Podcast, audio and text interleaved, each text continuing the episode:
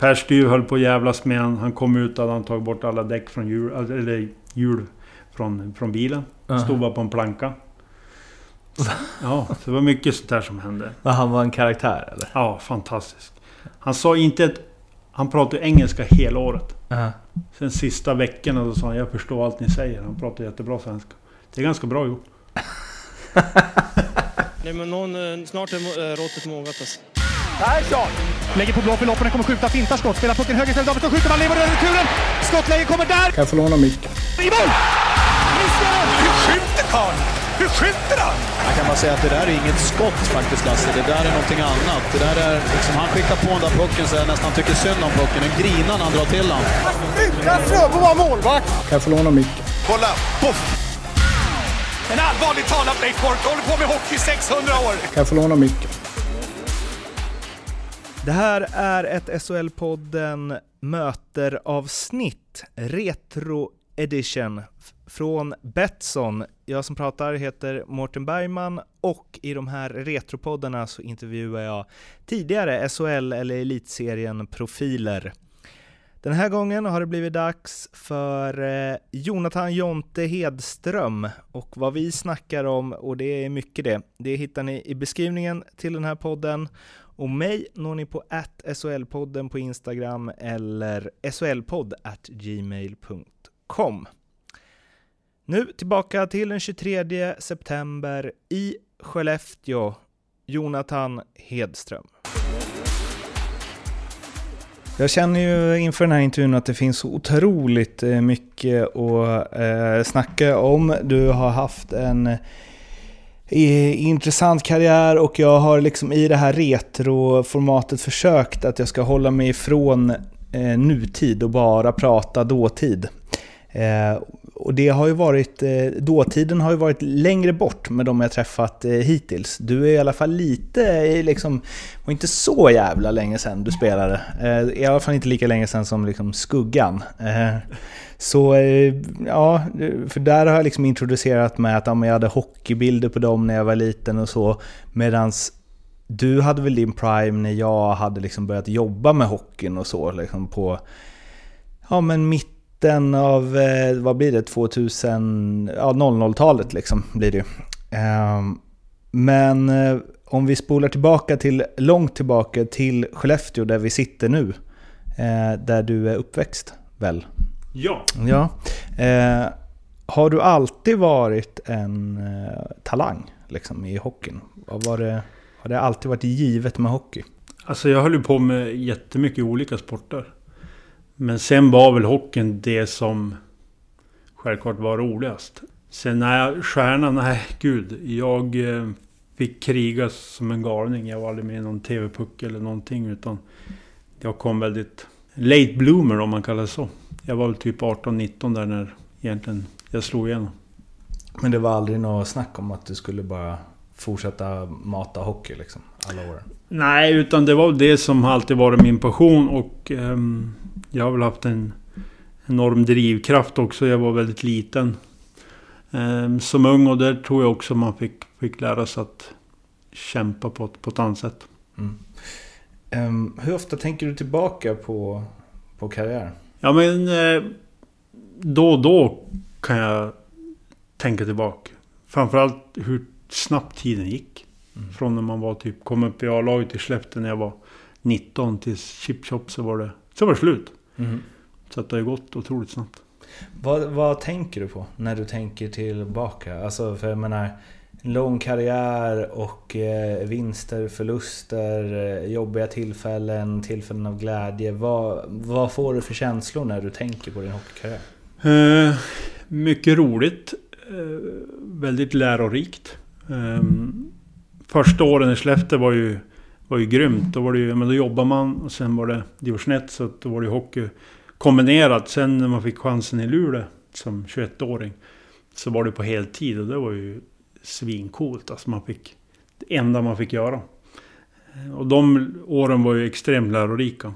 Sen blev det USA och sen på den vägen var det. Men eh, jag lärde mig extremt mycket första tre åren i Luleå. Men fick du...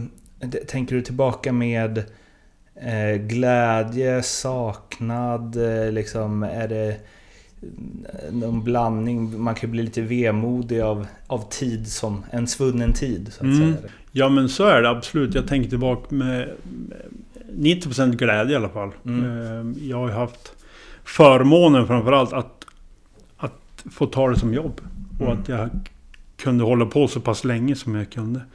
Sen är det ju alltid en karriär går ju upp och ner. Självklart.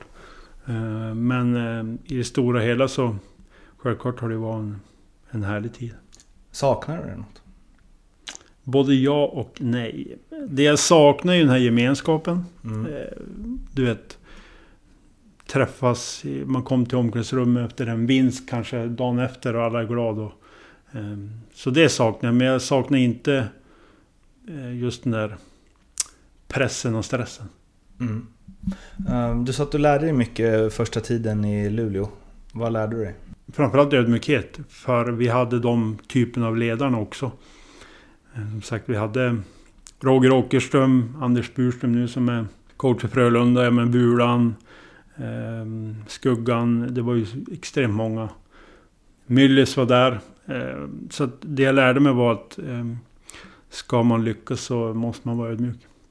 Det känns också som att du har, eh, alltså den tiden du spelar över de sångerna så det är i alla fall min uppfattning att det hände ganska mycket med eh, Även om det var långt ifrån där det är idag kanske Men det hände ganska mycket med så här, eh, idrottskulturen, omklädningsrumskulturen Att det skulle vara jag har precis träffat Skuggan och Bulan i Luleå och intervjuat dem och de säger det. Det var ju det var hårt som fan i mitten av 90-talet, början av 90-talet. Och man vågar ju knappt tänka på hur det var på 70-talet liksom.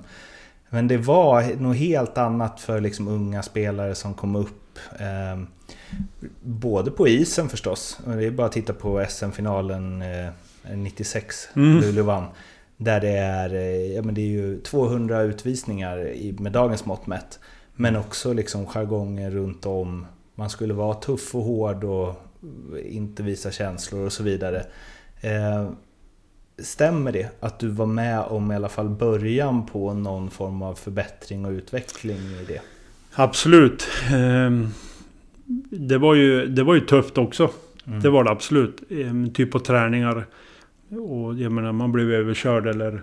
Så där lärde man sig väl också mycket. Men, men jag håller med dig. Jag tror det var tuffare innan jag kom upp, om vi säger så. Mm. Självklart var det tufft, men mycket fina människor också. Tror du att det fanns någonting så här, för man märker på dem att även om de inte, de kanske inte glorifierar det som var vid sidan av, men de glorifierar väl kanske minnen av spelet. Att så här, det gnälldes inte, det filmades inte, man fick eh, lite, göra lite tjuvknep, allt granskades inte efteråt och så Mm. vidare. Eh, Kan du känna att utvecklingen bara är bra? Eller finns det någonting i själva hockeyn där man faktiskt tappat lite liksom kampmoment och sånt liksom? Det håller jag med om. Kampmomenten har ju försvunnit ganska mycket. Mm. Eh, sen som du säger granskas ju allt. Det Mm. spelar ingen roll om det är en... Egentligen en fin tackling så blir ju oftast det avstängning och böter också. Mm. Jag tror att... Eh, på ett sätt gick det inte lika snabbt. Mm. Det var mer hakningar. Eh, sen tror jag också utvecklingen har blivit att spelare idag har inte lika bra spelsinne. Om du förstår mig rätt. Mm. Det är mycket individuell träning och du saknar det här spelet, alltså tre mot tre eller... Och därav tror jag också att det blir mer skador mot huvudet. Mm. För att folk är inte lika uppmärksammade idag som det var då. För då Mm. självklart var det mycket armbågar och jag menar bulan spira med mitt mellan benen på träningen. Men då, då gav man ju tillbaka på att, Men samtidigt efteråt var man... Då var det clear. Men det stod inte i tidningen eller ut på sociala medier. Finns det någonting, alltså den jargongen, eller den, så här, den tuffheten som var mot unga spelare och så här, Alltså det, jag uppfattar det nästan som att det försvunnit helt för att idag kan du komma upp som 18-åring och vara typ bäst i laget direkt. Det känns som att det var otroligt, alltså Foppa var ju ett unikum Mm. på sin tid. Att han var liksom totaldominant när han var 18. Det känns som att så här, man skulle veta sin plats mycket mer och ja, jag vet inte om det var så i hockey, men fotbollen liksom fylla vattenflaskor, bära in koner, ta, alltså den delen. Finns det någonting, man demoniserar det otroligt mycket idag. Mm. Fanns det någonting bra med det? Fanns det någonting i den, om vi kan kalla det uppfostran, som faktiskt... Ja, och det, det har jag alltid tyckt att det som det saknas idag, det är ju den här respekten. Och då handlar det inte om du är 35 eller... Det tycker jag överhuvudtaget är. Sista åren jag spelade eh, så var ju de unga först i bussen. Mm. Och där tror jag också att mycket gör ju att man får ödmjukhet och eh, Alltså respekt, förstå mig rätt. Det handlar inte om att man ska stå och buga och bocka. Men att man bär trunken, man plockar puckarna. eh, Man hjälper materialförvaltaren. Det är väl mycket det, det som man gjorde. Det var ju Mm. inte kanske... ehm, Så det har ju blivit en stor skillnad och det kan jag tycka saknas idag, ja. Mm. Ehm, Allt som allt då? Kulturen då mot kulturen nu, är det ändå bättre än nu? Ja, alltså det är väl... Det är mycket mindre macho idag. Alltså jag tycker man... Idag kan man få visa känslor på ett annat sätt. Framförallt utanför. Mm. Eh, Jag vet hur många gånger man åkte hem och hade en klump i magen och inte vågade säga någonting. Mm. Eh, Så att sj- självklart är det ju skillnad idag. Mm. Jag tror det var Nils Andersson som sa någon gång att eh, eh, i början av hans karriär så gick det knappt att ta med hårvax till omklädningsrummet. För Nej. det var inte accepterat. Så var det. Eh, vilket är helt, svår, är helt omöjligt för någon som inte varit i den hockeybubblan att ens föreställa sig. Det är ett speciellt liv vi lever. Eller man har levt. Så Mm. är det ju absolut. Ehm, Man blir ju införd i en... Hur du än vill, om du vill eller inte, så blir man ju... Man blir som ett... Man får ett visst stuk Mm. på något. Mm. Så är det. Kulturen är ju så lite grann. Mm. Så att, eh, ja, det är både, både för och nackdelar. Reflekterar du över det när du spelade?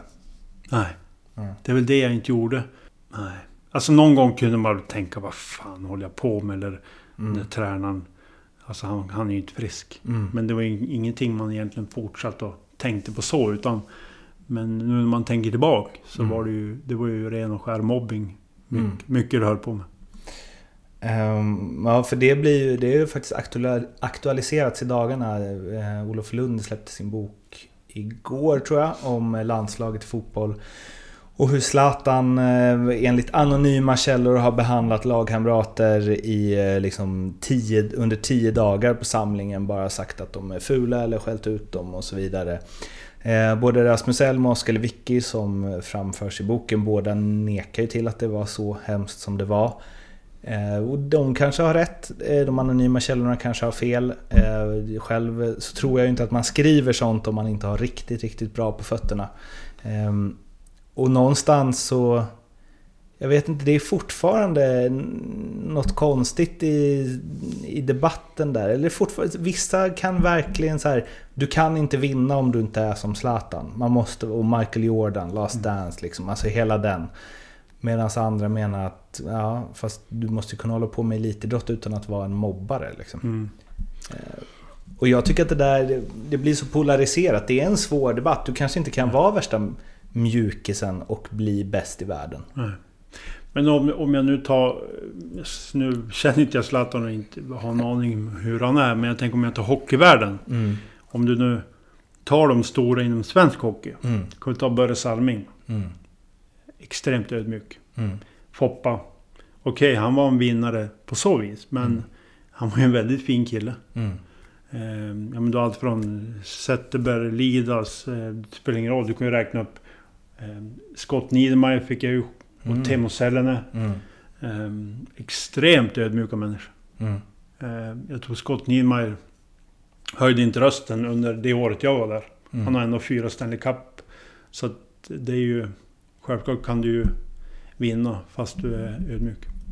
Som sagt, det här kanske var lite innan din prime, men jag tänker ändå, när jag tänker tillbaks på liksom eh, min uppväxt och liksom hur jag idoliserade hockeyspelare och det var hockeybilder och det var sportradion och man kunde liksom inte se alla matcher på TV och hockeykväll var liksom värsta happeningen varje vecka och så. Eh, Jag tänker på ett sätt att eh, elitserien som det var då. Elitseriespelarna var liksom större idoler för mig än vad SHL-spelarna idag är för kids.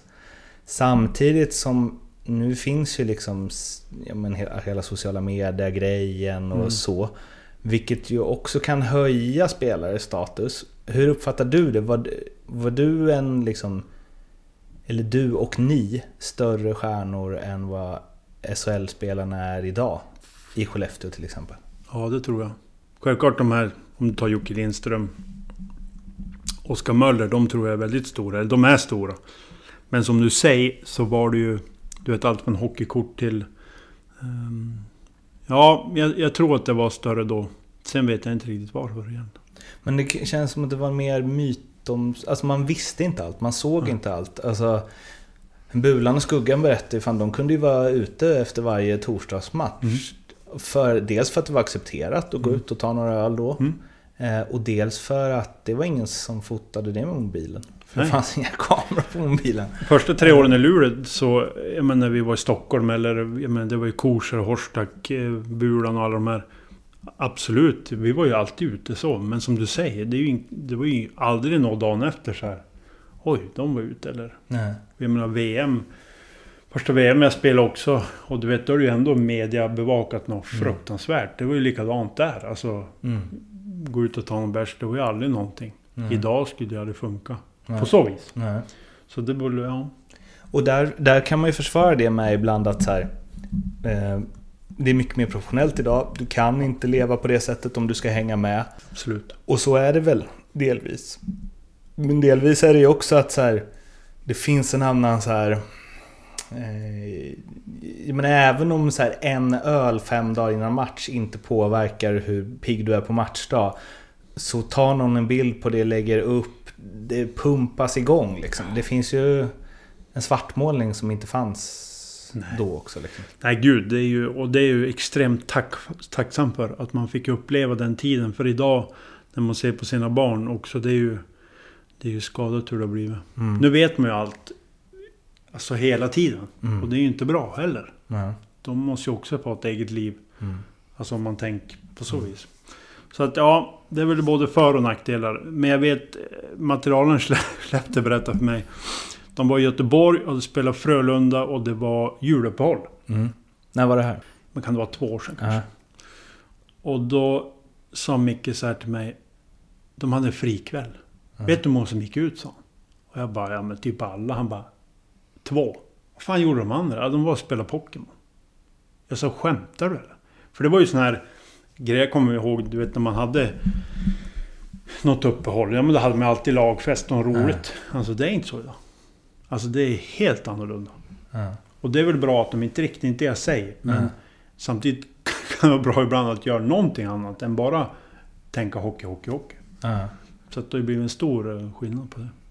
Om man kollar tillbaks på din eh, eh, karriär så eh, har du representerat eh, tre klubbar på eh, högsta nivå i Sverige. Um, Luleå, Djurgården, Timrå. Mm. Vad, eh, vad är de för dig och hur står de sig mot varandra i, i ditt hjärta och dina, dina minnen? Det roliga är att när jag är ute och föreläser också så säger jag ja men nu kommer vi till min favoritklubb. Och då tror alla så här, ah, Timrå eller Luleå, det är Djurgården. Har alltid varit sedan jag var liten. Eh, och hur det började var att när man hade träslöjd, typ årskurs fem kanske, någonstans. Så skulle vi göra ett skrin. Mm.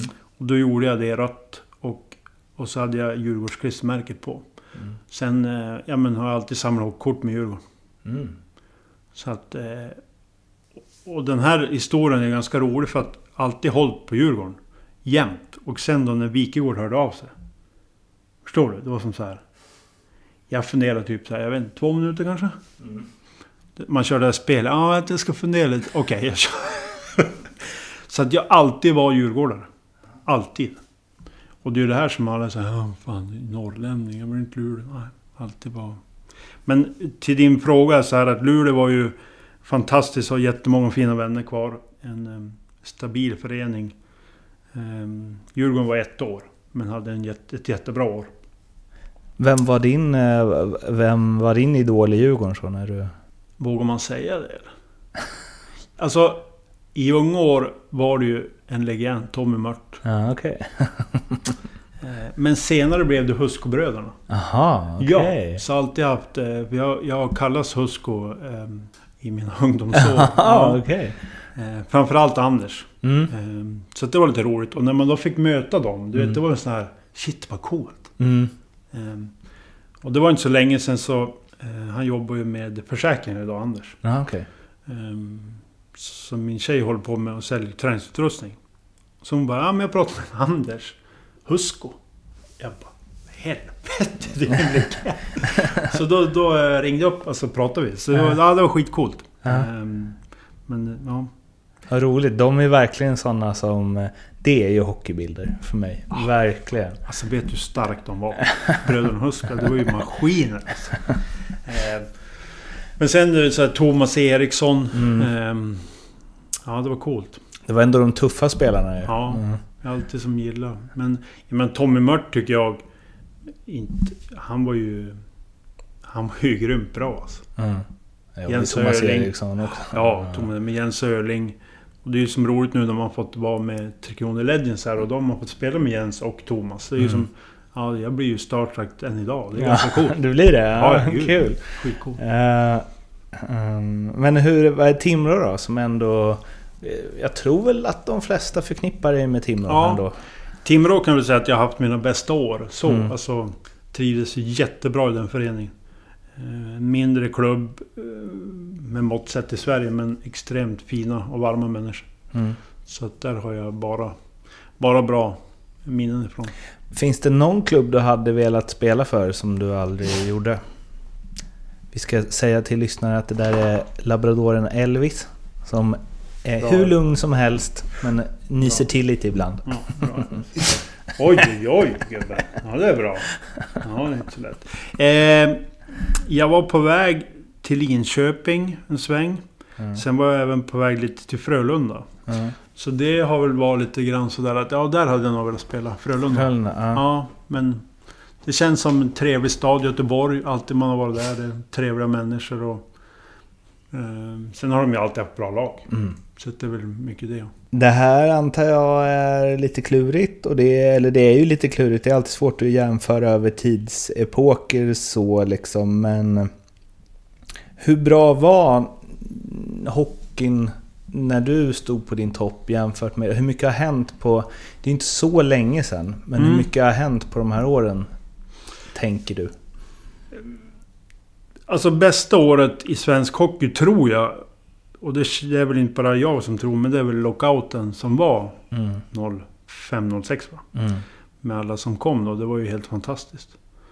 Ehm, Sen går det väl mycket snabbare idag. Alltså rent tempomässigt. Mm. Så är det ju. Absolut. Det är ju en annan typ av hockey man ser.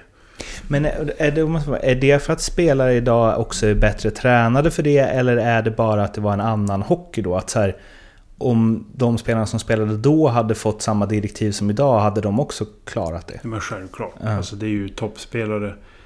Självklart. Ehm, Sen var det ju en annan typ av hockey som säger. Mm. Det var mer hakningar. Det var, lite, det var det som drog ner det lite grann. Och man fick screena typ. Oj.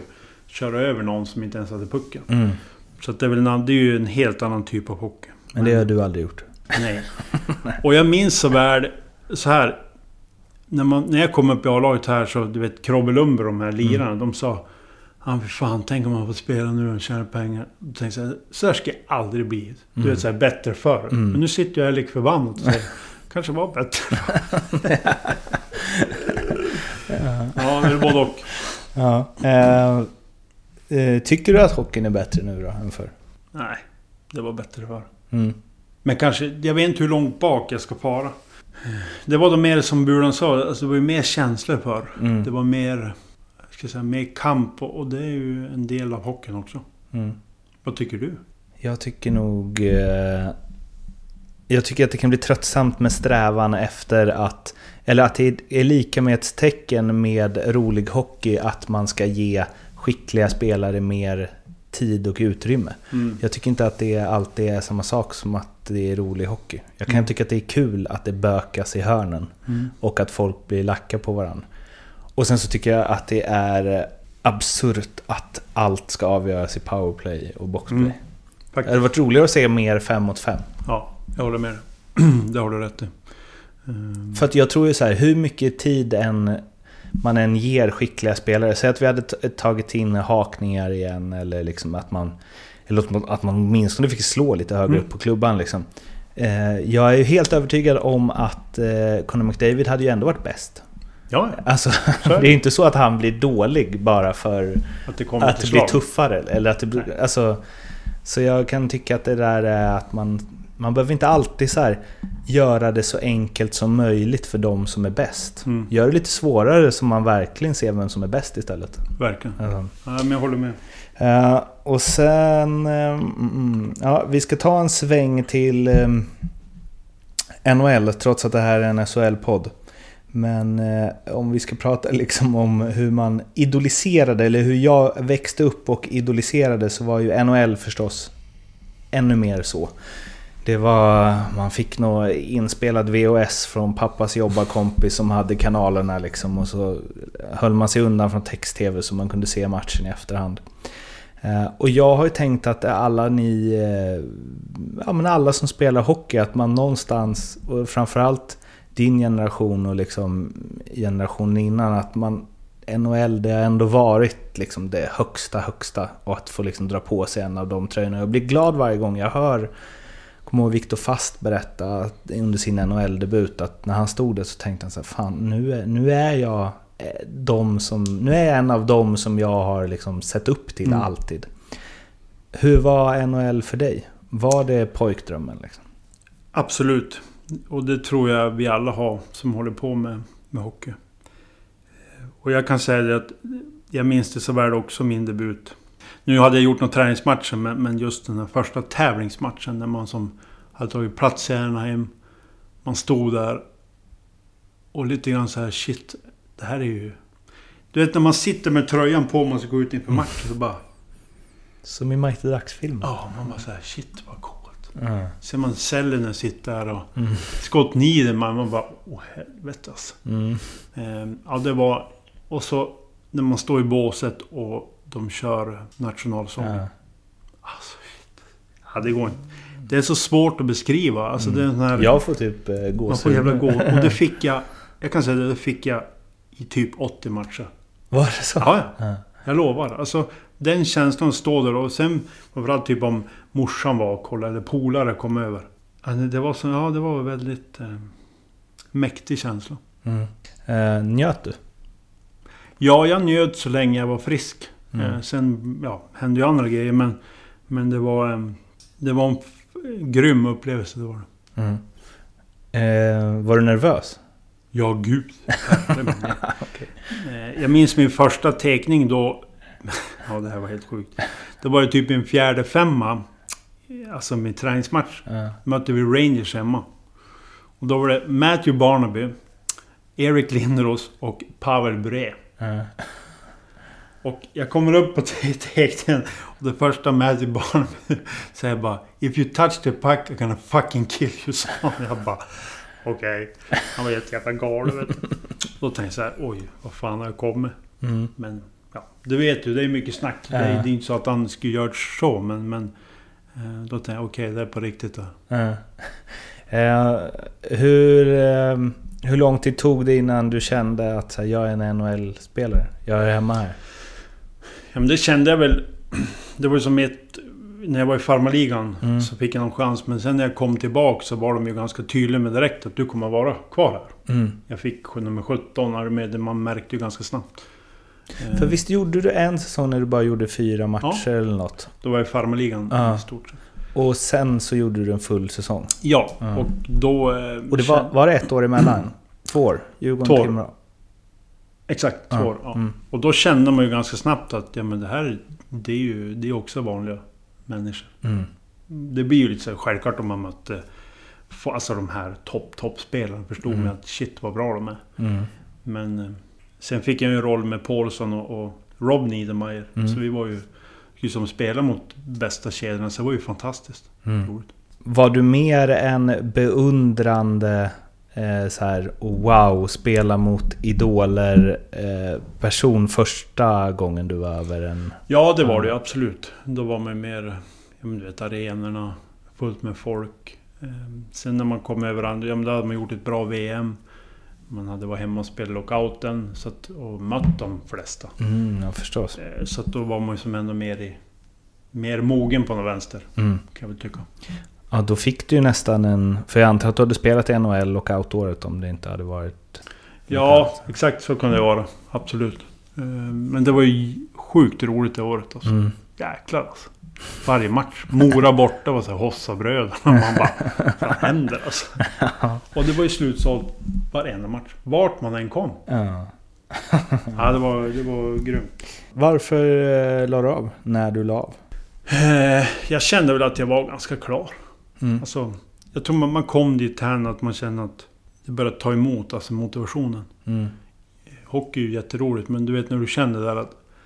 Oh, ganska skönt med ledig dag. Mm. Alltså att det blir mer det. Så kände jag att nej, nu är det dags så. Var det ett eh, enkelt beslut eller var det... Ja, både och var det väl. Eh, mer så här, men shit vad ska jag göra nu? Ja. Mer det. Mm. Men jag kände mig ganska klar.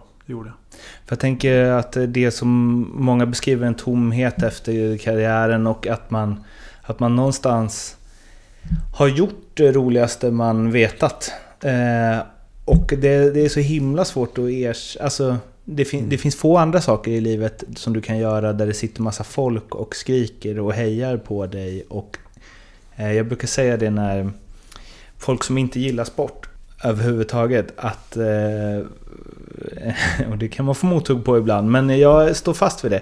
Att man kan... De kommer inte vara med om en viss känsla som man bara kan få genom sport.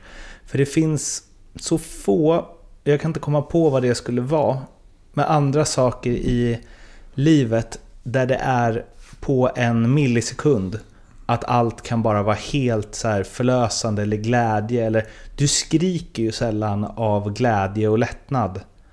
Alltså det är, säkert, det, är, eller det är säkert underbart att få barn. Det är liksom... Ja, det är kanske om du vinner liksom... Att du sitter och tittar på mm, hästar eller något. Mm. Och du vinner 10 miljoner. Då kanske du skriker av glädje. Ja, Men i hockey, så här, ja, jag håller på Leksand. Jag skriker ju varje gång de gör ett viktigt mål. På ett sätt som jag aldrig gör annars. Och som spelare blir det ännu mer påtagligt att du vet att så här, jag kommer aldrig få jag kommer aldrig få vara med om de här ögonblicken igen. När jag Nej. bestämmer att jag lägger skridskorna på hyllan. Liksom. och det har man ju diskuterat extremt mycket. Med jättemånga killar. Hur ska man hitta den här kicken? Mm. Eh, ja. ja. Den kommer nog aldrig att komma igen. Ja. Det tror jag. Så det har du rätt i. Det är ju... Känslan att gå ut inför en fullsatt arena. Mm. Och det handlar inte om att de skriker på mig, eller, men det spelar ingen roll. Men just den känslan. Mm. Att få... Ja, det, den, är, den är cool. Saknar du den? Ja. Mm. Det jag säga... Jag ska inte säga varje dag, men är man upp på, på arenan så här eller vart man än är och kollar. Så får man ju gåshud. Mm. Alltså shit, bara line-upen. Man blir jävlar så roligt. Mm. Och så den här känslan att man... Du är slut, förstår du? Du, Mm. du kom in så här i omklädningsrummet efter en match och man så här... Helt... Mm. Den, den saknar man också. För det... Okej, jag kan springa ett maraton. Men det blir ändå inte på samma Nej. känsla. Och det är väl också för, och det hör väl tyvärr ihop lite med det du sa att så här, eh, och jag vet att många känner ju liksom prestationsångest och det är något det snackas väldigt lite om att man faktiskt har det är inte bara ut och leka hockey utan man har en jävla press på sig. Eh, Men det hör ju ihop med att tömma sig helt Mm. och att få liksom den här glädjen. För om det inte spelar någon roll Alltså det är klart att du tycker att det är kul om du springer en bra tid på maraton. Men, Ja, men så här, ingen bryr sig ju. liksom. Nej, Eh, jag förstår vad du menar. Nej, det har du helt rätt i. Ehm, och, och i, ett, i en klubb, framförallt är det ju så många som berörs. Mm. Inte bara publiken, ja, men du har fans, du har de som publikvärdar, de som Mm. sitter i kiosken. Alltså, det är inte bara för, för laget man spelar, det är ju som en hel jävla... Mm. Alltså supporten framförallt, och klubben. Mm. Och när du får vinna någonting, jag vet... Jag var i en VM-final och vi förlorade mot Kanada. Ja, men de som beskriver att vinna typ ett VM-guld eller SM-guld. eh, Det är ju... Det är ju helt... Och det är få förunnat att få göra det. För jag Mm. menar, en del spelar fan tusen matcher och inte vinner. Mm. Ehm, Så att det är ju... hade en fantastisk känsla att få gå ut inför en fullsatt arena. Man kanske får göra det igen någon gång, man vet ju inte. Mm. Då behöver man någon annan. Ja, vad ska jag börja med då? Ska gå över till, eh, strax gå över till en del som jag kör med eh, alla jag intervjuar. Men först, man minns ju dig, och jag tror de flesta minns dig, som en eh, som käftade mycket på isen, som drog upp rubriker. Det finns lite klipp med skriks och gapas på sidan av isen och intervjuer och hej och hå, ganska frispråkig. Och någonstans att viss, eller din spelstil och ditt sätt på isen eh, gick ju egentligen i den här machoandan och liksom som det ska vara. Medan du i efterhand har verkligen så här, ja men utvärderat det och pratat om det och ifrågasatt det. Mhm. Eh, när du gjorde det på isen, ifrågasatte du det också eller har allt kommit efteråt? Ehm, Det är en bra fråga. Jag tror att det mesta har kommit efteråt. Mm. Eh, Jag tror inte jag riktigt kanske förstod. Det var ju en liten roll man hade. Mm. Alltså den typen av spelare. Och ja, men det är ju som jag säger. Jag har absolut skrivit, skrikit allt från könsord till you name it. Och var en väldigt frispråkig. Kanske en viss osäkerhet också. Mm. Alltså att man... Det är lättare att skrika än få på den vänster. Mm. Ehm, och just med självkänslan också som jag jobbar extremt mycket med. Och det jag är ute och pratar mycket om nu, det handlar ju om det att den där machokulturen som är nu, eller som har varit också, handlar ju om också att man kan ju vara en reko spelare fast man inte behöver hålla på mobb, eller mobba men... Ja, det är en, det är en typ av mobbing. Så är det ju. Det man, det man höll på själv. Kan du eh, ångra eller skämmas över saker du gjorde när du var spelare? Ja, absolut. Ehm, och där någonstans är det som... Du vet, man måste förlåta sig själva. Mm. Tror jag att... Okej, det var en del av mig då som hade den rollen och jag gjorde dumma val många gånger men... Samtidigt kan jag inte gå över det hela livet heller, förstår Nej, du? nej. Utan jag tror någonstans förlåta sig själv, man tar tag i saken och nu känns som jag gör... Gör en bra grej. Mm. Eh, var det en, en eh, lång resa att förlåta sig själv i det? ja, typ fem år. Mm. Ehm, Mycket grejer som... Alltså, som är svårt också att prata om, men det är ju så här att... Inte bara borta från familjen, men det var, det var en del av jobbet. Men Mm. alltså... Det är mycket annat som, som hänt. Man har sagt dumma grejer och kanske inte alltid var så snäll med. Du vet, det kunde ju vara en som satt i utvindsbåt som öppnade dörren, du vet så här. Mm. Ja, och så sa de... Ja men de har aldrig varit otrevliga, men då tog man ut ilskan över Mm. en totalt jävla oskyldig Mm. äldre man. Mm. Förstå, det, är ju, det, är ju, det, ju, det blir nästan pinsamt nu när man tänker på det. Shit alltså. Men är det... eh, För jag antar att du har ett, liksom, ett tävlingsjag Mm. och ett privat... Alltså, Ja, för man... Oftast så... Eh, ja, men man uppfattar det som att idrottsmän, kvinnor hänvisar ju ganska ofta till det när saker blir... Alltså det, i stridens hetta är ju ett Mm. populärt... Och det finns ju något i det. Ja. Absolut. Men det är ju också, det är lite som hör, det som sägs i omklädningsrummet stannar i omklädningsrummet. Det är också ett försvar för att man egentligen vet att Uff, det kanske inte var supersmart gjort liksom. Alltså, jag är helt med det. Och det är ju en klassiker det där, What happens in Vegas, stays in Mm. Vegas. Jag tror det är likadant, eller det är likadant i omklädningsrum. Men självklart ska man inte vara ute och eh, kasta ut det med det som säger i ett omklädningsrum. Det är inte det jag säger, men någonstans tror jag att om jag som ung kommer till ett nytt lag och de äldre beter sig på ett visst sätt så blir man ju så. mm, Indirekt. mm.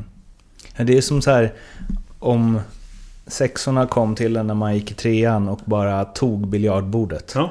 Så tänkte man så här, så där ska jag aldrig göra när jag går i sexan. Mm. Men så gör man samma grej. Ja. För nu är, det, nu är det min tur. Liksom. Det är lite så det är. Ja. Så att eh, självklart, jag menar vissa grejer kommer aldrig att försvinna. Mm. Men jag tycker att det är bra nu många vågar prata om det. Mm. För många har ju bevisligen mått jätte, jättedåligt av det. Det har till och med kommit nu senaste året liksom NHL-coacher som har hängts ut och, och även liksom eh, coacher som vunnit Mm. massor. Och där kanske man kan komma tillbaka lite till liksom Zlatan-grejen. För man kan ju säga... Åh, vad heter han i Toronto nu då? eh, Babcock. Ja, exakt. Att, så här, att han verkar vara ett svin. Alla verkar ju vara överens om att han har varit det. Ja, Eh, men han har ju också vunnit massa Stanley Cup. Mm. Och då är det så här, ja, vad...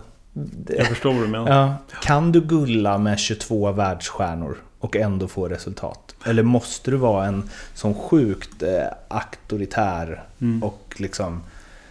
För de sysslar ju, det, är de, det som kommit fram där, de sysslar ju med mobbning på allra eh, högsta grad. Jag hade ju liksom. en del i Anaheim. Ja, Då var ju inte jag... Alltså jag var ju inte uppe hela tiden, men jag hade ju lite, lite grann. ja, Utan jag var i farmarligan. Och han var ju eh, väldigt speciell, kan man lugnt säga. ja, Ja, men han sysslar med mobbing. Självklart. Det var ju så han... Och det är ju en typ av osäkerhet också han har. Med, Mm. med sin självkänsla kanske. Att han måste trycka ner folk för att... Ja, hierarkimässigt. mm, Men sen tycker jag det finns en viss gräns Mm. hur man kan bete sig. mm, Det är väl mer det jag känner att... Eh, det, jag har inga problem att folk säger åt mig eller eh, har strikta krav. mm. Men man måste ju lite från... Okej, här är Jonathan hockeyspelare, här är Jonathan privat. Mm. Men han hade inget privat Nej, han alls? inget filter alls. Det är ju bara att kolla nu med, ja, med Frasse eller... Det tycker jag också, ja men Kjellås går ut nu efteråt. Ja men ja, det gjorde han ju, det stämmer ju. Vad fan sa du ingenting för då? Det är det jag kan tycka är tråkigt. Många ser det och jag menar Kjellås har ju alltid varit en högst i hög hierarkin. Att man kanske kan ta Johans parti sådana gånger. Men Mm. då vågar man inte för då vet man att då blir det GM och så blir jag... Det är den typen. Ja, men är, är det så? Du, det hade inte gått att säga emot eller? Nej. Vänster, det då är man körd eller? Typ. Alltså Kjellås hade inte varit körd så men... Du förstår vad jag menar. Ja. Alltså... ehm, Men det, det är ju en del av... Man har lärt så. Mm. Alltså man växa upp i det där. Mm. Nu har jag haft jättebra tränare i, i stor del. Alltså jag har inte haft någon... Jag menar, jag hade Tavola, Lillkenta i Timrå. Eh, Wikegård i Djurgården. Eh, landslag i Hardy. Där borta hade jag ju inte Babcock på så vis. Utan Mm. ja, Randy Carlyle var ju också ett praktarsle på många sätt. Men... Ja. Och jag menar, de kommer ju att uppleva. Så är det ju. Det, Mm. menar, det finns ju... Alla kan ju inte vara snälla. Nej. Så är det. Vad är det värsta du har varit med om? Från en tränare och så? Alltså på vilken nivå är det? Så att man förstår. Ja men alltså det, vi snackar ju om eh, en viss människa som hände i Luleå som, som drar in familjemedlemmar Mm. och kallar ja, de olika saker. Och det är ju det är ju att gå över gränsen rejält. Mm. Eh, Men inför andra spelare då eller? Ja. och det är det man tycker också att okej, om man inte är nöjd med mig som hockeyspelare, det är ju en helt annan grej. Ja. Men dra inte in min familj, för de har ju absolut noll med den här grejen att göra. Mm. Som Randy Carlyle i, i... När jag hade Anaheim, det första gången jag träffade honom, då sa han ja, så du är, du är den nya finska killen. Alltså det var så han började. No, I'm from Sweden. ja? Han gjorde det ju bara för att Mm. där sätta gränsen. Mm. Sen var det ju... Han tog in mig flera gånger så här. Eller inte bara jag, Paulsson också. Ja, men jag tror ni behöver psykolog. Så. Paulsson bara, jag behöver ingen jävla psykolog. Är du med? Så han skulle ju testa hela tiden. Mm. Sen är man ju olika som människor. Mm, så att ja, det är lite eh, speciellt. Sen har det ju sagts grejer som man inte ska säga i... Mm. Men eh, våld? Nej, ingen våld. Absolut inte. Eh, Aldrig- Mer straff. Straff och alltså mer sån typ. Ja. Aldrig liksom kastade grejer Nej. på... Nej. Inte det. Då hade de ju slagit tillbaka. Ja. I alla fall jag. Det är väl därför de inte kan göra det heller. Alltså så här, ja. Sen är det ju jättemånga bra ledare. Shit. Ehm, men, men jag tror att den gamla skolan var lite tuffare. Så Mm. var det. Tror du det är på väg bort? Ja, gud. Idag tror jag det inte går. Idag kanske det är för mycket feedback också spelarna Mm. vill ha. Ehm, att det blir mer, jag inte säga gull och gull, men att, att de vill ha feedback hela tiden. Mm. Och det är ju inte heller bra, Mm. tycker jag. Mm. Vi ska gå över till andra delen då som jag kör med alla och börjar med eh, förutom Foppa, Sudden och Lidas. Vem tycker du är Sveriges bästa spelare genom tiderna? Den var bra. Mm. Eh, hur många får jag välja? ja, En eller kör. två? ja, kör du. Eh, jag tycker man glömmer bort Sedinarna Mm. mycket. De har Så ju två alltså. två. Direkt blir som en egentligen. Ah, shit vad bra de var. Ja. Där också har jag fått förmånen att spela med dem också. Och det, jag tror inte jag har träffat några så ödmjuka Mm. människor som dem. Mm. Extremt seriösa, lojala. Ja, jättefina människor. Sen måste jag väl nämna Zetterberg.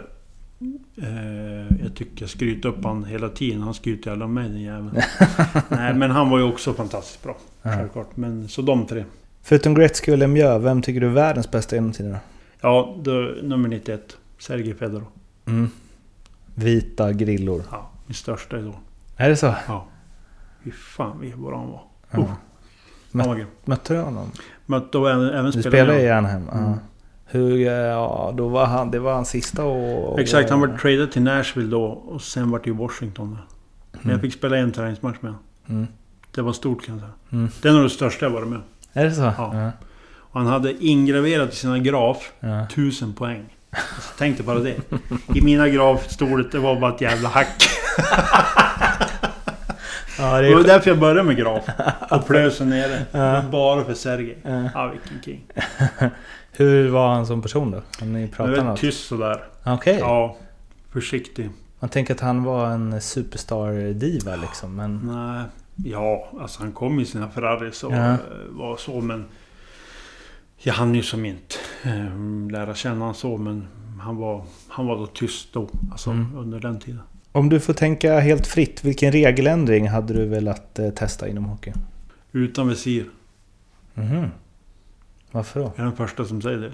Ja, Eh, dels för att jag spelade borta om sig två år. Jag hade typ... Ja, nu fick jag ju tyvärr en klubba i ögat av Rocky Thompson som var en gammal jävla fighter. Men... Över det så hade, tror jag inte jag hade en klubba i ansiktet nej, på två år. nej, Inte en klubba. I Sverige, du vet hur det är. Det är klubbor som fan hela tiden. Mm. Det far och fläng. För du blir väldigt skyddad och det är ju, det är ju bra på så sätt. nu kanske folk kommer bli galna men det hade jag kanske sagt. Alltså om du... För det var ju... Var det 69 tror jag? Mm. Typ. Alltså då är det något ålder. 70 kanske. Och jag menar Tommy Sjödin eller de här som lirar. Mm. Alltså det är en jävla skillnad. Sen ser du ju mycket bättre. Men det är stor skillnad alltså. Ja. Ja. Sen är mycket coolare. ja, utan visir. Ja. Om du fick ta med något från tiden då du spelade hockey till idag och också någonting du är glad är borta från hockeyn idag som fanns när du spelade. Ta med känslorna. Mm. Vad var nästa fråga då? Något du är glad är borta från som Ja men det då. kanske är den här lite machokulturen på så vis. Det är väl bra tycker jag. Eh, Så det är i så fall det. Den bästa spelare som du har spelat med och det behöver inte vara det största namnet eller den som sedan blev bäst utan den bästa spelare du upplevt i samma lag som dig där och då. Och då tror jag nog ta Scott Niedermayer Mm. i Anaheim. Shit vad bra han var. Mm. Alltså det var som så här, Det var så löjligt. Det såg det såg ut som han var på så här allmänhetens åkning varje match. Spelade så här 30 minuter, han var knappt svettig. eh, ofta säger man ju forward eller någon man har riktigt spelat med sådär. Ja. Men, men han, nej, han var helt magisk. Fantastisk skridskoåkare? Ja, Och utifrån samma kriterier, den bästa du mött? Datsuk. För att... Ah, shit vad bra han var. Alltså han var ju... Inte bara att han var bra offensiv men lika bra defensiv och, och vilka händer. Mm, Ja, han var ju... Ja, shit. komplett. Ja, det kan man lugnt säga. Eh, Den bästa tränare du haft? Lillkanta, Timrå. Sämsta? Randy Carlyle. Nej, nej. Alltså du gjorde väl ändå... Alltså det gjorde ju en bra säsong där, eller Ja. ja. 14 plus 27... Eh, vad hade jag? 14 ja. Någonstans. Jo men absolut, det, det funkar helt okej. Men det jag inte gillade med honom, det var att han var... Eh, jag minns när jag gjorde hattrick hemma mot LA. Eh, du vet, man... Tycker man så så här, men nu kanske man får lite beröm. Mm. Och då sa han, tror inte att du är någonting. Mm. Alltså att... Jag tycker det är inte... Att bygga en spelare. Nej. Det är ju... Sänka till varje Mer pris. sänka så här, tror inte att du är... Nej men fan, vart ska jag tro jag är någon? Jag är typ... Döda utvisningar. Vilket lag, slash spelare, slash personer gillade du att möta? Åh, vad roligt. Det var en bra fråga. Jag har alltid gillat att möta Färjestad. Mm. Eh, dels för att det alltid var mycket, mycket känslor. Bra, bra matcher. Eh, sen har det varit lite, lite så hat. Men det var Tollefsen och Mm. ja, Sanni och Frögga och... Eh, men samtidigt var man alltid alert när man kom ut på, på banan. Smällde en del där Ja, va? oh ja. Det gjorde ont. ja. ja, Frögga det var Han är king. granit. Och, så sa han ju aldrig någonting. Inte ett ord. Nej. Han är, vi är jättebra kompisar nu och det är... Ja, det, det är en legend. Jag pratade med honom en gång och då sa han att så här, han bara, det var... Att han alltid varit så han bara, det fick gärna göra ont, det fick gärna smälla. Jag hade inga problem med tjuvnyp och så men så här... Man hade en jävla respekt för varandra ändå. Verkligen. På något sätt. Ja, liksom. absolut. Det håller jag med om. Eh, Sen du vet, de hade ju med Jörgen och Mm. den femman var ju helt galet bra. Mm. Så att nej, de eh, Perez du alltid illa. Var det någon du ogillade att möta då? Som du alltid hade problem med eller som... Ja, och den här tror jag spelaren tror jag inte kanske många tänker nu. Nej. Men absolut den svåraste tror jag mött i, på svensk plan, det är Magnus Johansson. Ja. Vadå? Svår att... Ja men sjukt smart. Ja. Jag menar du vet 70, vad kan han väga? 75 kilo. Men så lömsk jävel. Man tänker nu, nu är jag förbi han. Ja. bara någon klubba eller... Ja. ehm, stå alltid rätt. Man tyckte man var förbi han men... Men aldrig så här... Och Mange var också så här, spelar ingen roll, för ibland försökte man få honom i balans. Mm. Det gick inte. Mm. Nej. Fimpen berättade någon gång att Ja men det kanske var när ni lirade ihop i Djurgården då, men han sa det att så här, Viken bara "Ah, Åk, smäll på han bara! Bakom mål! Och han bara och Vi åkte och försökte tackla honom i en hel match, fick inte in en tackling. Nej, liksom. gick. Så vände han sig. Han, han var så jätte... Alltså så grymt bra på att som bara rulla ur en situation. Ja, Om du tänker Niklas Burström nu. ja, Lite så. ja. För han är ju också grym på det där att som... Försvinna lite. Ja, nej, det var ett helvete. Och Viken var ju så. Ja. Nu jävlar kör Nu blir den där. Ja, vill det är lugnt. Det var inte alltid det gick.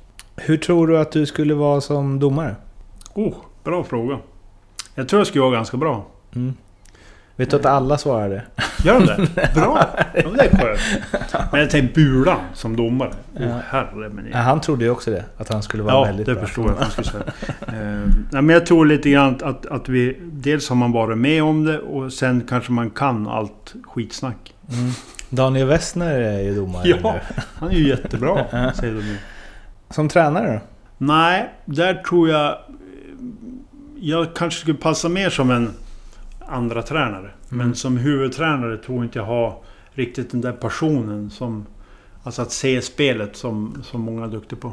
Mm. Det har väl inte varit min starka sida. Eh, Den bästa lagkamrat du har haft utifrån hur du tycker att man ska vara i ett omklädningsrum i ett lag. Så en sån spelare behöver alla lag liksom. Pelle Ahlin, Mm. överlägset. Han får inte så mycket tid i rampljuset direkt. Nej, verkligen. Men det är eh, absolut den, den finaste kille jag spelat med någonsin. Mm. Eh, ödmjuk, snäll, artig, fast ändå en extrem... Alltså jag gillar inte ordet vinnarskalle, men förstå mig rätt nu. Alltså, han gillar att tävla då. Mm. Fast samtidigt, han, han ser alla. Spelar Mm. ingen roll om det är ismaskinsföraren eller ett barn som står. Mm. Nej, Pellalin, absolut. Eh, Om du med all den erfarenhet du har av hockeyvärlden idag fick gå tillbaks i tiden och ge dig själv 15 år eh, lite tips. Vad hade du sagt då? Att inte tas allt... Framförallt att inte ta allt personligt. Mm. Många gånger har det blivit så att man, man har tagit det personligt. Vissa grejer som... Och det är någonting jag jobbar med än idag när jag är 43. Ibland tror jag man... Jag är lite en sån där... Jag vet, grubblare och alltid vara någon sån där som... Åh shit, vill... Vill att alla ska trivas och in, inte stöta med någon. Mm. Mm. Så om jag får välja ett så är det det. Sen självklart kanske man har gjort andra val. Alltså det blir ju så här att man har... När man inte mådde bra heller så bytte man klubb. Du vet, man får ett Luleå, Timrå. Alltså, Mm. Och det blir ju inte bättre. Utan Mm. kanske mer att... Och framförallt tagit hjälp tidigare med, med min, min psykiska ohälsa. Mm. Tror du att den hade kunnat liksom... Tror du att du hade kunnat sluppit det med en an, om någon hade gjort något annorlunda när du var ung? Alltså...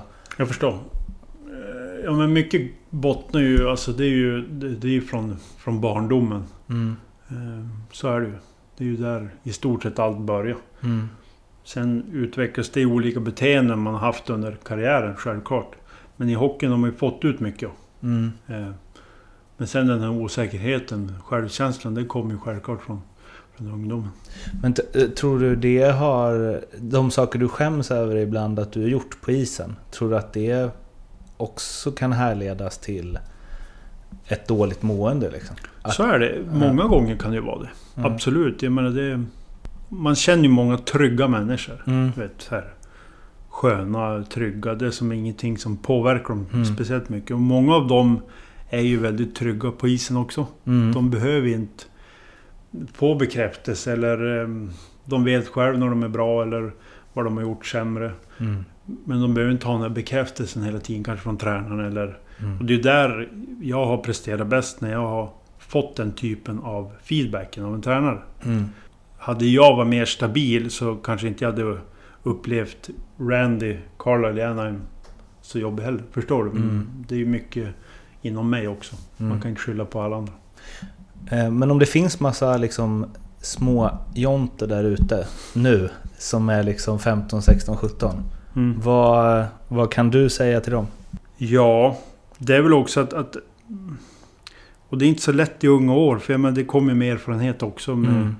Men att, att, att, att våga prata med någon. Det kan jag tycka...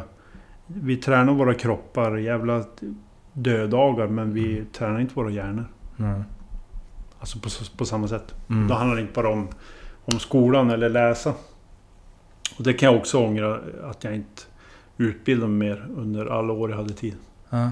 Alltså läste Ja, på bussen exakt, och shit. sånt Förstår hur mycket tid man haft. Ja. Ja, men vissa dagar du tränar en gång per dag. Sen bara, ah, vi går och fika tre timmar.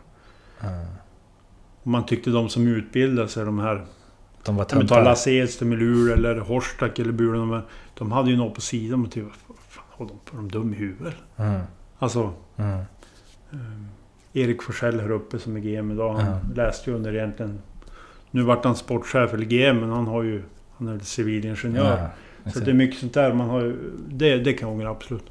För det kanske också får en att känna att hockeyn inte är allt. Tänker jag. Att Nej. det finns något annat också. Och jag tror ju så här att... Har du någon... Har du harmonin inom det så tar du inte hockeyn på samma allvar. Mm. Ja, men man hade ju år när det gick bra. Alltså du vet, det flöt på. Och ja, men då fungerar ju resten av livet då. Mm. Men sen kom det ju, du vet det är ju för alla spelare. Vissa år har gått sämre eller spelar ingen roll vad det är. Och det är väl där någonstans man måste hitta någon... Som du säger, hockey är inte allt. Det finns annat här i livet också. Vem har betytt mest för din karriär? Eller betydde mest för din karriär? Ja men det måste jag väl säga mamma på många sätt. I och med att hon har alltid alltså ställt upp. Jag menar, allt från laga mat till ehm, alla samtal. Sådär, om jag får ta någon utanför. Mm. Vad är du mest stolt över? I livet, Ja, i hockeyn. i hockeyn. Uff. Ja men det är väl... Det är väl ändå att man... ehm, Att jag var en bra lagkompis. Mm.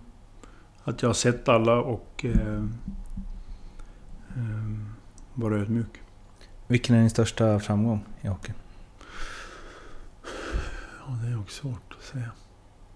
Men jag tror, alltså just att ta sig till NHL. Mm. Alltså att, att få komma dit, en jättedröm. Sen är det självklart när jag gjorde hattrick. Eh, Det är väl... Sen hade man ju önskat man fick säga att när man vann SM-guld eller VM-guld. Eller, men tyvärr, tyvärr fick jag inte. Mm. Hur var det OS? Du var med i trupp Ja, exakt. Jag var ju mer som en extra... Ja. eh, hela mas- vägen? Eller? Maskot. Ja. Ja, exakt. Men då var det ju riktigt dåligt. Då var ju, mådde jag ju inget bra alls. Så Bengt-Åke var ju grym där som, okej. som tog dit mig lite grann bara. Han var grymt schysst. Men hur var det att se från sidan av? Ja, men då var, mådde jag så dåligt ändå Så så, jag tänkte inte... Jag hade inte Nej. pallat. Jag och Stefan Liv hängde ju Ja. utanför så vi hade ju Time over life. Det var ju hur roligt som helst. Ja. Så att, nej, det var ju grymt att de vann. Shit, vad Men ni visste att ni inte skulle spela liksom? Ja, gud. eller? Ja. Alltså jag var inte ens anmäld på, Ja, på så okej, sätt. ja. Utan Och, och Liv var ju... Ja men det var Henke och Tellan va? Ja, det kan stämma. ja. Ja. Så att, men... ehm, Du fick ändå uppleva svensk hockeys kanske största ögonblick på Alltså väldigt den- nära håll. Alltså exakt, alltså den matchen var helt galet. Ja. Och jag och Liv satt då med Sellinens tvillingbror. Han har en tvillingbrorsa, men de är typ totalt, inte enäggs. Ja. Och vi hade ju både det ena och det andra i glaset. Så att vi, vi hade ju en jävla trevlig final. Det var roligt. Det var ju, vi kan säga det, det Lidas mål där sammanfattar väl hela ens hockeyuppväxt. liksom. Det var ju en hel generation som slöt samman. Ah, shit vad coolt det var. Foppa till sudden till Lidas, det var ju... Och vet, den precision i skottet.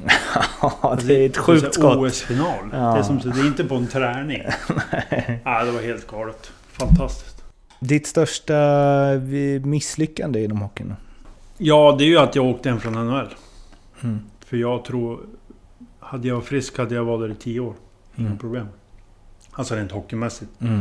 Men det är väl det jag. Och det var bara för att du mådde dåligt? Ja, jag kunde bara, inte. Jag kunde inte vara kvar. Alltså jag var riktigt... Riktigt dålig. Mm. Och då...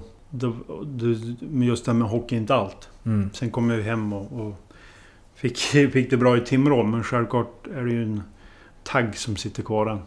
Men när du fick det bra i Timrå, då var det var för sent att åka över igen? Det gick inte eller? Eller var det att du inte vågade? Eller vad man ska Alltså, säga?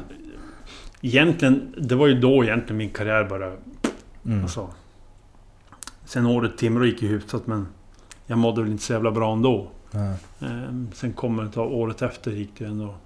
Alltså började må bättre men... Så får korsbandet. Ja, det, Mm. det var som... Du vet när det börjar i maskineriet då är det som att det är svårt att komma tillbaka också. Mm. Berätta en eh, rolig anekdot från karriären. Från behind the scenes. Åh herre men jag. Det finns väl några stycken? Det finns ett antal. Ja men jag kan väl dra en med Mika Kiprosov. Han har man ju typ hundra stycken. Okej. Ja. Ehm, en rolig i och för sig, det är ju när vi var i Stockholm, eller vi hade mötts i Södertälje borta Mm. och hade frikväll. Och vi skulle ut på eh, Spybar. Mm. Och vi hade någon typ av VIP-rum där uppe. Och så kommer då hovmästaren typ in och säger så här, Men du grabbar, är det okej om ni flyttar lite grann för Backstreet Boys kommer? Okej. Och vi bara, men shit, självklart. Det tyckte vi var lite... Du vet, man Mm. tycker. Utom en. Mika Kiprosov. Han vägrade flytta sig. Så han satt kvar bara där. Och de här kom in då, du vet, hela gänget då. Aha. Med efterföljd kan man väl lugnt säga med olika av kvinnligt kön. Eh. Och eh, han bara satt kvar. Och den här killen bara, men du ursäkta, är det okej? Han bara, vad fan ska jag flytta mig för? "Eh, Jag är väl lika mycket värd som, Eh. som dem. Eh. Men det var ju mer att vi var ju, vi var ju ett gäng och... Ja. Ja, men det slutade med att de vart ju bra, bra polers. Vadå? Kiprosov och Ja. Backstreet Boys? Ja, han satt kvar med dem. Så att, du vet, surrade där. ja. Eh, Det har hänt mycket med den mannen. Eh, Per Styr höll på att jävlas med han. Han kom ut och hade han tagit bort alla däck från hjul, eller hjul från, från bilen. Aha. Stod bara på en planka. Ja, så det var mycket sånt där som hände. Men Han var en karaktär eller? Ja, fantastisk. Han sa inte ett... Han pratade engelska hela året. Ja. Sen sista veckorna då sa han, jag förstår allt ni säger. Han pratar jättebra svenska. Det är ganska bra gjort. Ja, kul. Eh, det är då det börjar så här, vad har vi sagt nu då? Ja, man bara, han har förstått allting. Är så- Och du vet, vissa är ju så här lite svårt att prata engelska. Ja. Vissa har det inte så lätt. Ja, Och då blir det kanske inte att du pratar med honom. Hade han kunnat svenska hade man ju kanske kommunicerat bättre med honom. Men han, visst, han var ju en världsmålvakt då va? Ja. Ja. Han var ju helt fantastisk. Mm. Ja, helt... Han var, han var grym. Synd bara att vi inte hör. Två sista frågorna. Hur nöjd är du med din karriär? Ja, men hyfsat nöjd i alla fall. Det, det måste jag säga. Jag hade ju en, en lång karriär på, på en hög nivå fick uppleva både allt från NHL till Ryssland till Finland. eh, Tre VM. Så att... ehm, Ja, men nog ska jag vara nöjd, det tycker jag. Men självklart hade man ju velat vinna någonting, ja. Och slutligen, eh, vilken tidigare SHL slash elitserien-profil tycker du att jag borde intervjua i den här podden? Vem tror du har mycket att berätta? Ja, eh, Brember. Fredrik Brember. Mhm. Eller Linkan. Mm. Snackar han då? Ja, ja, gud. Ja. Han är skön. Jag säger Linkan, Ja. Du Jonte, tusen tack för att du ville vara med. Tack själv.